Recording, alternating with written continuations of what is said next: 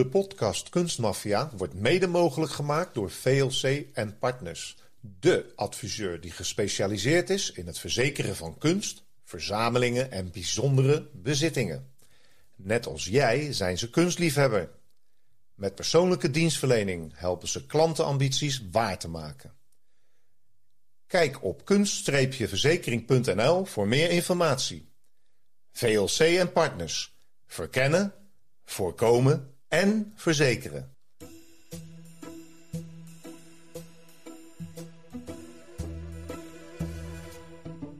Een paar dagen voordat Hitler samen met Eva Braun zelfmoord pleegt, stijgt een van de laatste vliegtuigen op uit Berlijn, dat dan al zwaar onder vuur ligt. Aan boord liggen persoonlijke bezittingen en geschriften van Hitler die niet gevonden mogen worden. In 1983 maakt Gert Heidemann, een journalist werkzaam voor het weekblad Der Stern, dit verhaal wereldkundig. Hij kondigt de grootste historische ontdekking in de recente geschiedenis aan: de dagboeken van Adolf Hitler. En daarmee, al dus Heidemann, zullen de geschiedenisboeken deels herschreven moeten worden. Dit is Kunstmafia, een podcast over roof, vervalsing en diefstal in de internationale kunst- en antiekwereld met Rick Bouwman en Robert Tettero. Met deze keer zaak 21, de dagboeken van Hitler. Wat een story, Robert. En dat wel in de nacht van 20 april, waar jij het eerder al over had, 1945. Dat ook nog eens na de bedompte verjaardag instuif van Hitler. Zouden zijn persoonlijke bezittingen dus en zijn dagboeken Berlijn uitgesmokkeld zijn met een Junker 352 transportvliegtuig. Maar deze vlucht is rampzalig, want in de buurt van Dresden stort de Junker neer. Maar lokale boeren vinden tussen de brandende wrakstukken een metalen kist met het stempel van de Führer erop. De dagboeken blijken de crash goed doorstaan te hebben en de boeren verstoppen ze met andere persoonlijke bescheiden in een hooischuur. Nou, dat lijkt me een geweldige plek om zoiets te verstoppen in 45 waarschijnlijk. Maar begin jaren 80, het is eigenlijk weer 40 jaar verder bijna, zijn ze dus in handen van journalist Gert Heideman.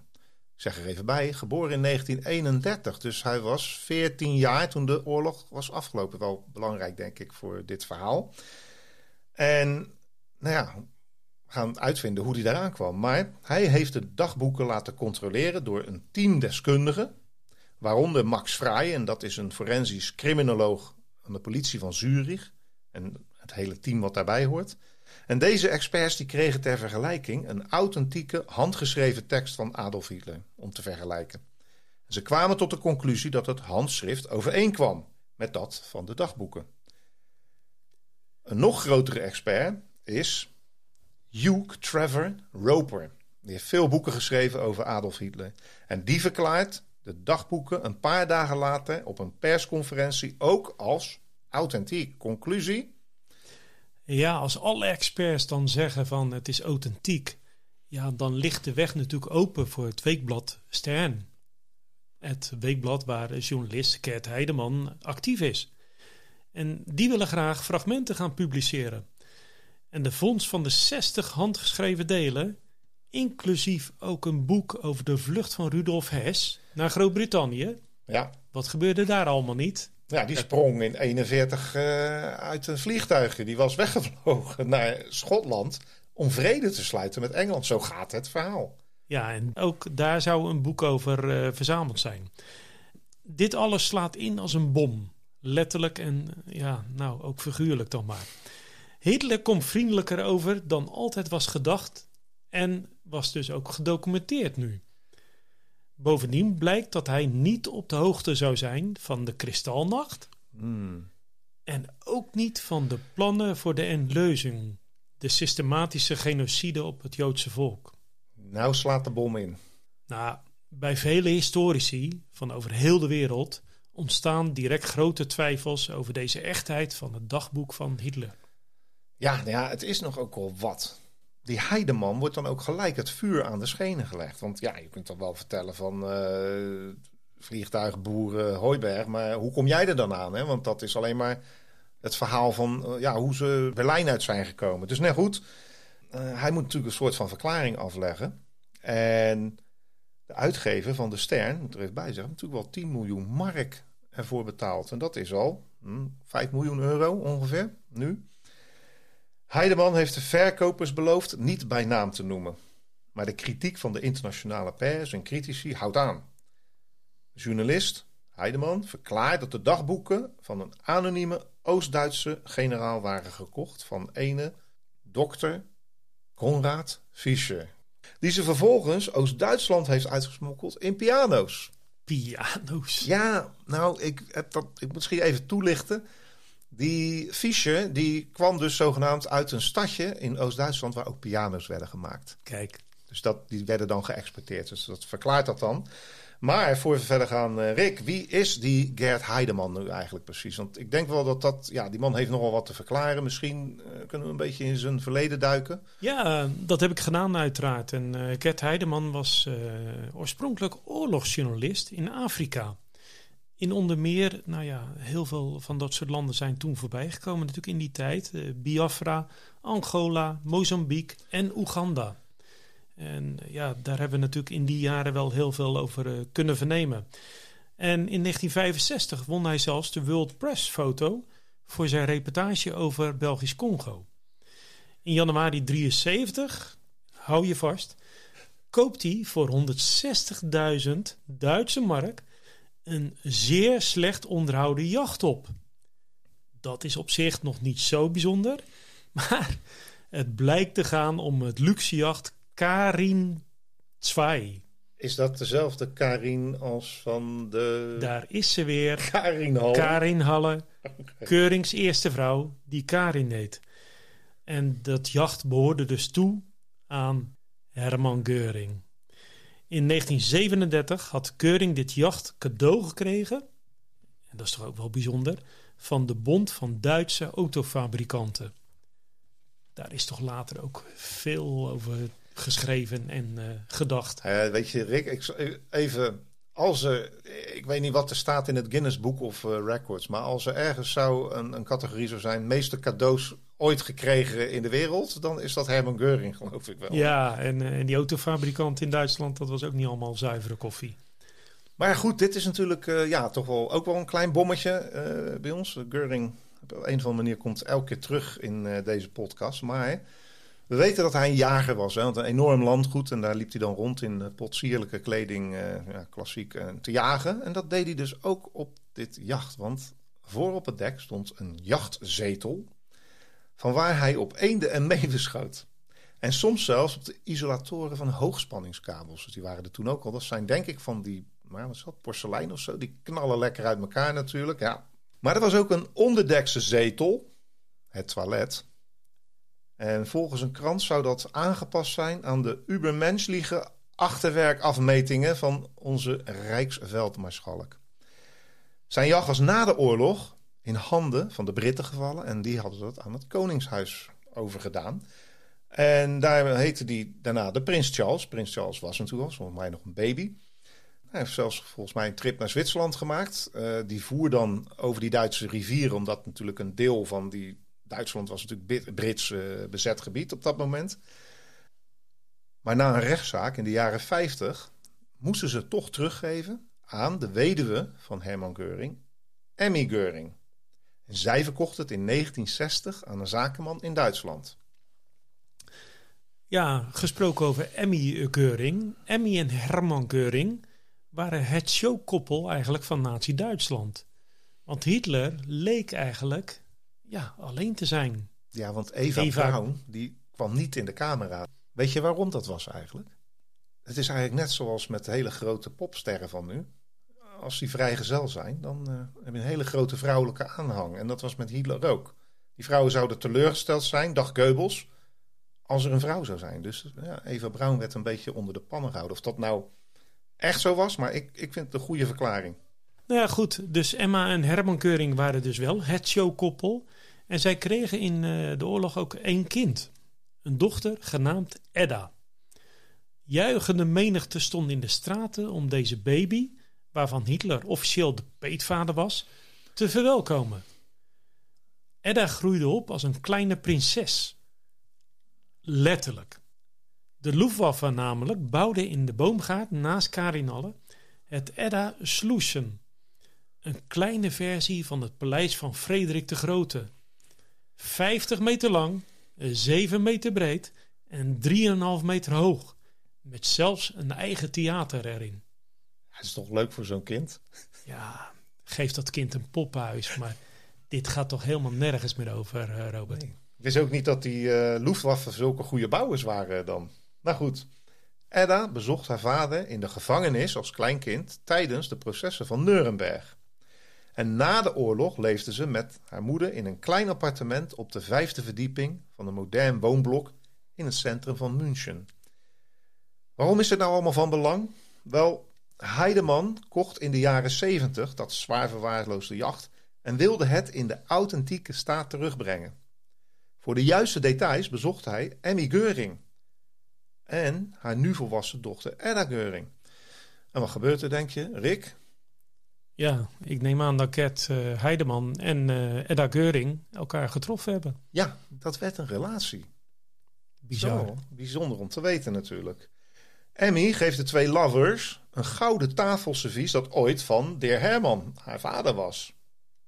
En Heideman besluit nu het jacht vervolgens zo authentiek mogelijk in de oude staat te herstellen. Dus zowel de binnen- als de buitenzijde.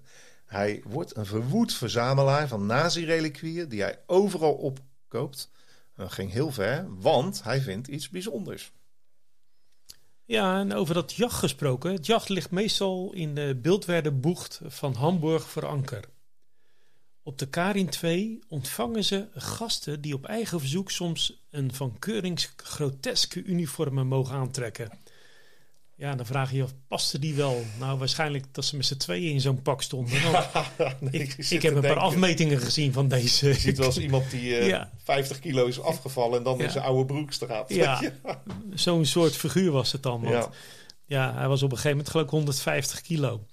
Maar goed, Edda en uh, Ket Heideman ontvangen ook meer duistere bezoekers. Zoals bijvoorbeeld voormalig SS-generaal Wilhelm Monke.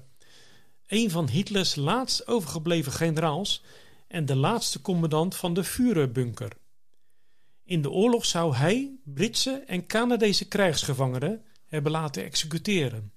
Nou ja, dat is natuurlijk iets wat echt niet kan en niet mag. Wegens gebrek aan bewijs echter lukte het niet om deze monken daarvoor veroordeeld te krijgen. En dat was niet de enige die daar kwam. Hè? Een andere SS-generaal, Karl Wolf, ooit chef van de persoonlijke staf van Heinrich Himmler en een voormalige vriend van Reinhard Heydrich. Dat is degene die de endleuzing bedacht en uitgevoerd heeft voor een groot deel. Wolf werd veroordeeld voor de vervolging van de Joden in Italië. Maar in 1953 kwam hij alweer vrij. Maar na de arrestatie en vervolging van Adolf Eichmann in de, de jaren 60 ja, kwam een nieuwe uh, bewijs op tafel tegen hem en werd hij uiteindelijk veroordeeld tot nog eens tien jaar cel voor gepleegde oorlogsmisdaden. Heideman hoorde van Wolf dat de piloot van de neergestorte Junker Friedrich Gundelfinger heet. Via een oorlogsgravenstichting ontdekt hij dan dat dat graf nabij de vermeende crashsite van dat vliegtuig lag. Nou is hij op zoek. En daar spreekt hij met oude omwonenden en komt hij op het spoor van een weermachtofficier die de spullen in beslag nam. Ik zeg erbij, dat beweert hij. En dit speelde natuurlijk in de tijd van het IJzeren Gordijn. Dus mm, dit was in Oost-Duitsland en hij was in West-Duitsland. Dus ja, die praatjes worden niet zomaar geconfirmeerd. Kun je niet zomaar natrekken natuurlijk. Nee, er was echt nog die grens. En uh, ja, wat je links meemaakte, kon je rechts gewoon uh, ja, op een andere manier bewijzen. Precies. Heideman volgt dus het Oost-Duitse spoor en komt in contact met handelaren in allerlei zeldzame nazispullen. Hij gaat er helemaal in op, zeker ook omdat er geruchten gaan over persoonlijke spullen van Hitler. Hij drukt door tot hij een handelaar ontmoet die hem een dagboek van Hitler aanbiedt. Heideman wil weten van wie dat komt. En zo komt hij via verschillende handelaren bij ene dokter Konrad Fischer, die hem nog veel meer dagboeken kan leveren, maar wel voor de juiste prijs. De volgende gasten aan boord van de Karin 2 zijn dan ook vertegenwoordigers van een prominente uitgeverij en Thomas Walde. En dat is de hoofdredacteur geschiedenis van De Stern. En hier wordt een miljoenendeal gesloten met Fischer en Heideman als tussenschakels. Kijk aan. En zo kwamen dus die dagboeken steeds dichterbij, want binnen twee weken na de publicatie van de eerste fragmenten uit het dagboek van Hitler door de Stern, verschijnen ook de eerste bewijzen dat het gaat om een vervalsing. En dan komen er een aantal argumenten, want nou, een van de allerbelangrijkste is dat bepaalde gebeurtenissen niet overeenkomen met de historische feiten.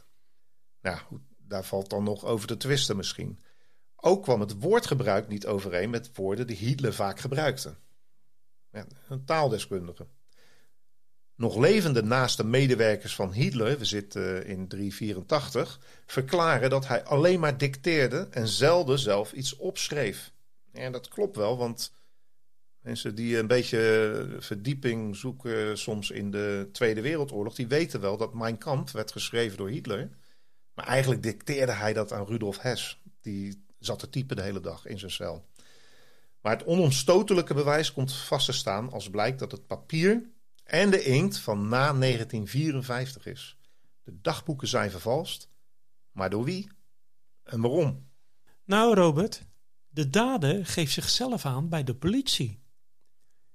En het is de eerder genoemde dokter Konrad Fischer, alias Konrad Kujau. Een kunstschilder uit Dresden, geboren in 1938. En Kujau's familie kwam deels om bij de bombardementen van Dresden. En tot 51 woonde hij dan ook in een weeshuis. Hij verliet echter de DDR om aan de kunstacademie in Stuttgart in de leer te gaan bij schilders en restauratoren. En als bijverdienste begint hij een winkeltje in nazi-reliquieën die hij koopt in Oost-Duitsland en in het Westen voor een veelvoud verkoopt aan verzamelaars van nazi-memorabilia. Ja, dat vind ik een heel plausibel verhaal en dat lijkt mij ook wel te kloppen. Hè? Absoluut. Ja. Kujau vermeerderde de waarde van artikelen in zijn winkel door de provenance te vervalsen. Voorbeeld. Een echte helm uit de Eerste Wereldoorlog, ter waarde van een paar mark in die tijd, vervalste Kujau door een briefje te vervalsen waarin staat dat Hitler het in 1914 in Yper droeg. Yper, België. Ja, ik vind het op zich wel een, een lachwekkend voorbeeld. Maar ja, dan heb je de echte helm van Hitler. Nou ja, de waarde neemt natuurlijk radicaal toe. Geen tienvoud, geen honderdvoud, maar waarschijnlijk nog veel en veel meer. Naast aantekeningen van Hitler produceerde hij ook documenten in het handschrift van Martin Bormann, Rudolf Hess, Heinrich Himmler, Hermann Göring en Jozef Goebbels. Hoewel het handschrift een redelijke imitatie van de eigenaren was, is de rest van het werk was matig. Kujau gebruikte modern briefpapier dat hij verouderde met thee, heb ik eerder gehoord, papier. En ook de spelling en de grammatica waren onnauwkeurig. Maar toch wel slordig eigenlijk, hè? Maar als deze Kujau hoort over een journalist van Der Stern, onze vriend Heideman, die flink betaalt voor nazi-symbolen op tafelzilver, glaswerk en wapens, levert hij die. En dan zegt hij ook wel aan een dagboek van de Führer te kunnen komen. Heideman wordt helemaal lyrisch en Kutschau begint meteen te schrijven aan de serie dagboeken. Hij slaagt erin om 62 vervalste dagboeken van Adolf Hitler aan Der Stern te slijten. Heideman, de medecompaan, ontvangt miljoenen met deze deal en ook Kutschau blijft niet onbedeeld. De sterren bij diep in het stof voor deze megablunder en ontslaat onze journalist Heideman, die net als Konrad Kutschau uiteindelijk tot 4,5 jaar gevangenisstraf wordt veroordeeld. Onder andere dus voor de verduistering van de miljoenen die Stern voor de dagboeken betaald had. Ja, en dan in de eerste periode na hun arrestatie beschuldigen ze elkaar van alles. Kujau beweert dat Heideman wist dat hij de dagboeken vervalste en dat hij niet betaald is volgens de afspraak. Heideman zwijgt in alle talen over het geld, maar wil wel kwijt dat de dagboeken al jaren voor Kujau's bekentenis circuleerden in handelaarskringen. Ja, wie heeft hier gelijk? Bovendien probeert Heideman goed te praten waarom hij met de verkoop doorging, wetende dat de dagboeken vals waren. En Heideman komt dan met het volgende verhaal. Hij zou contact hebben met een oude nazi die beweerde dat Martin Bormann, Hitlers plaatsvervanger, nog altijd leefde en in Spanje woonde. Heideman probeerde, zo zegt hij, deze Bormann te strikken om enkele bladzijden uit de dagboeken te laten zien, omdat hij direct kon zien of ze echt waren. Dan zou hij Bormann kunnen interviewen en wereldkundig maken dat hij de meest gezochte natie gevonden zou hebben. Ja, en dat is uh, op zich een goede smoes, want Martin Bormann verdween inderdaad spoorloos uit de bunker nadat Hitler en Goebbels zelfmoord hadden gepleegd. Op 1 oktober 1946 veroordeelde de internationale militaire rechtbank in Nuremberg Bormann bij verstek ook tot de doodstraf, tot de galg. Overal werd gezocht naar hem. Sommigen meenden dat hij zelfs via Italië naar Zuid-Amerika was uitgeweken. Een welbekende route van de Red Lines, zoals ze wel genoemd worden. En anderen dachten dat hij door de Sovjets als gevangene naar Moskou was overgebracht. Volgens weer anderen verbleef hij in de Verenigde Staten of in Groot-Brittannië. Als hij nog zou blijken te leven, dan zou dat inderdaad de grootste primeur na de Tweede Wereldoorlog zijn. Of de dagboeken. Ik vind ze eigenlijk allebei wel een flinke primeur.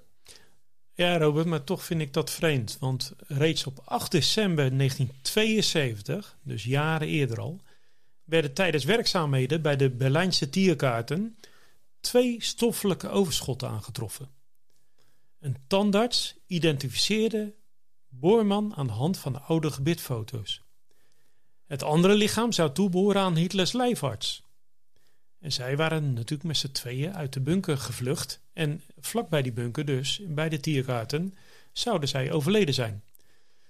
Een tweede onderzoek trouwens, maar dan veel later, in 1998, bevestigde dat het gevonden stoffelijk overschot wel degelijk dat van Bormann was. Op verzoek van de familie werden de stoffelijke resten gecremeerd en verstrooid. Ja, dus wat Heideman en Kujau ook tegen elkaar te berden brachten, het ging ze, ja, dat denk ik dan, eigenlijk gewoon om het geld. Het jacht met uh, zijn bizarre geschiedenis wilde Heideman in authentieke staat ook voor veel geld aan een rijke bewonderaar willen verkopen. Ja, Rick, wie wilde nou een jacht hebben van zo'n beladen geschiedenis? Dan heb je toch wel ja, een soort verlangen, denk ik. Ja, dan heb je toch wel iets met, uh, wellicht met het nazisme. Ja, ja, dat denk ik. Het jacht werd vervolgens door de bank in 1985 verkocht aan een Egyptische zakenman. Die heeft het jarenlang gehad. Niet veel van terechtgekomen met het varen. En in 2009 verkocht hij dat dan weer aan een Duitse zakenman die het naar verluid opnieuw heeft laten restaureren. Ik heb nog even flink gezocht, maar ik heb geen spoor meer gevonden na 2009. Dus ik denk dat die meneer er nog steeds uh, op rondvaart, zittend op een van de twee luxe zetels. We hebben het natuurlijk uitgebreid over Heideman gehad, maar ook over Kuchau is nog veel te vertellen. Want na zijn vrijlating maakte Kuchau van zijn bekendheid en reputatie als vervalser en misschien wel meestervervalser, optimaal gebruik. En zelfs in 1995 brengt hij samen met de Rock and Roll Junkies een album uit, getiteld Rebellen der Kunst. En later verkoopt hij vanuit zijn schildersatelier nagemaakte werken van beroemde schilders uit alle stijlperiodes. Zijn vervalsingen waren nog altijd populair. Uiteindelijk overleed hij op 12 september 2000 aan de gevolgen van kanker. Ja, en in 2002 kwam er nog eens staartje achteraan. Schreef de Spiegel, de concurrent van De Stern volgens mij, dat Heideman onder de schuilnaam Gerhard 33 jaar lang informant was geweest voor de Stasi om verslag uit te brengen over de Amerikaanse kernwapens in Duitsland. Zes jaar later, in 2008, verklaart Heideman ik ben gezond. Ik ben met pensioen en krijg 350 euro per maand van de sociale zekerheid. Ze betalen ook de huur en mijn ziekteverzekering. Dus voor zover bekend leeft hij nog steeds. Dat is nu al hmm, bijna 90, denk ik. En de vermiste miljoenen, nou, die zijn nooit meer teruggevonden. En als je zo oud wordt, Rick, dan denk ik dat je ze ook wel opgemaakt hebt. Luister jij graag naar Kunstmafia en wil je Rick en Robert ondersteunen? Ga dan, als je wat kan missen, naar fooiepot met een d.com slash kunstmafia. En geef daar een digitale fooi. Dus fooiepot.com slash kunstmafia.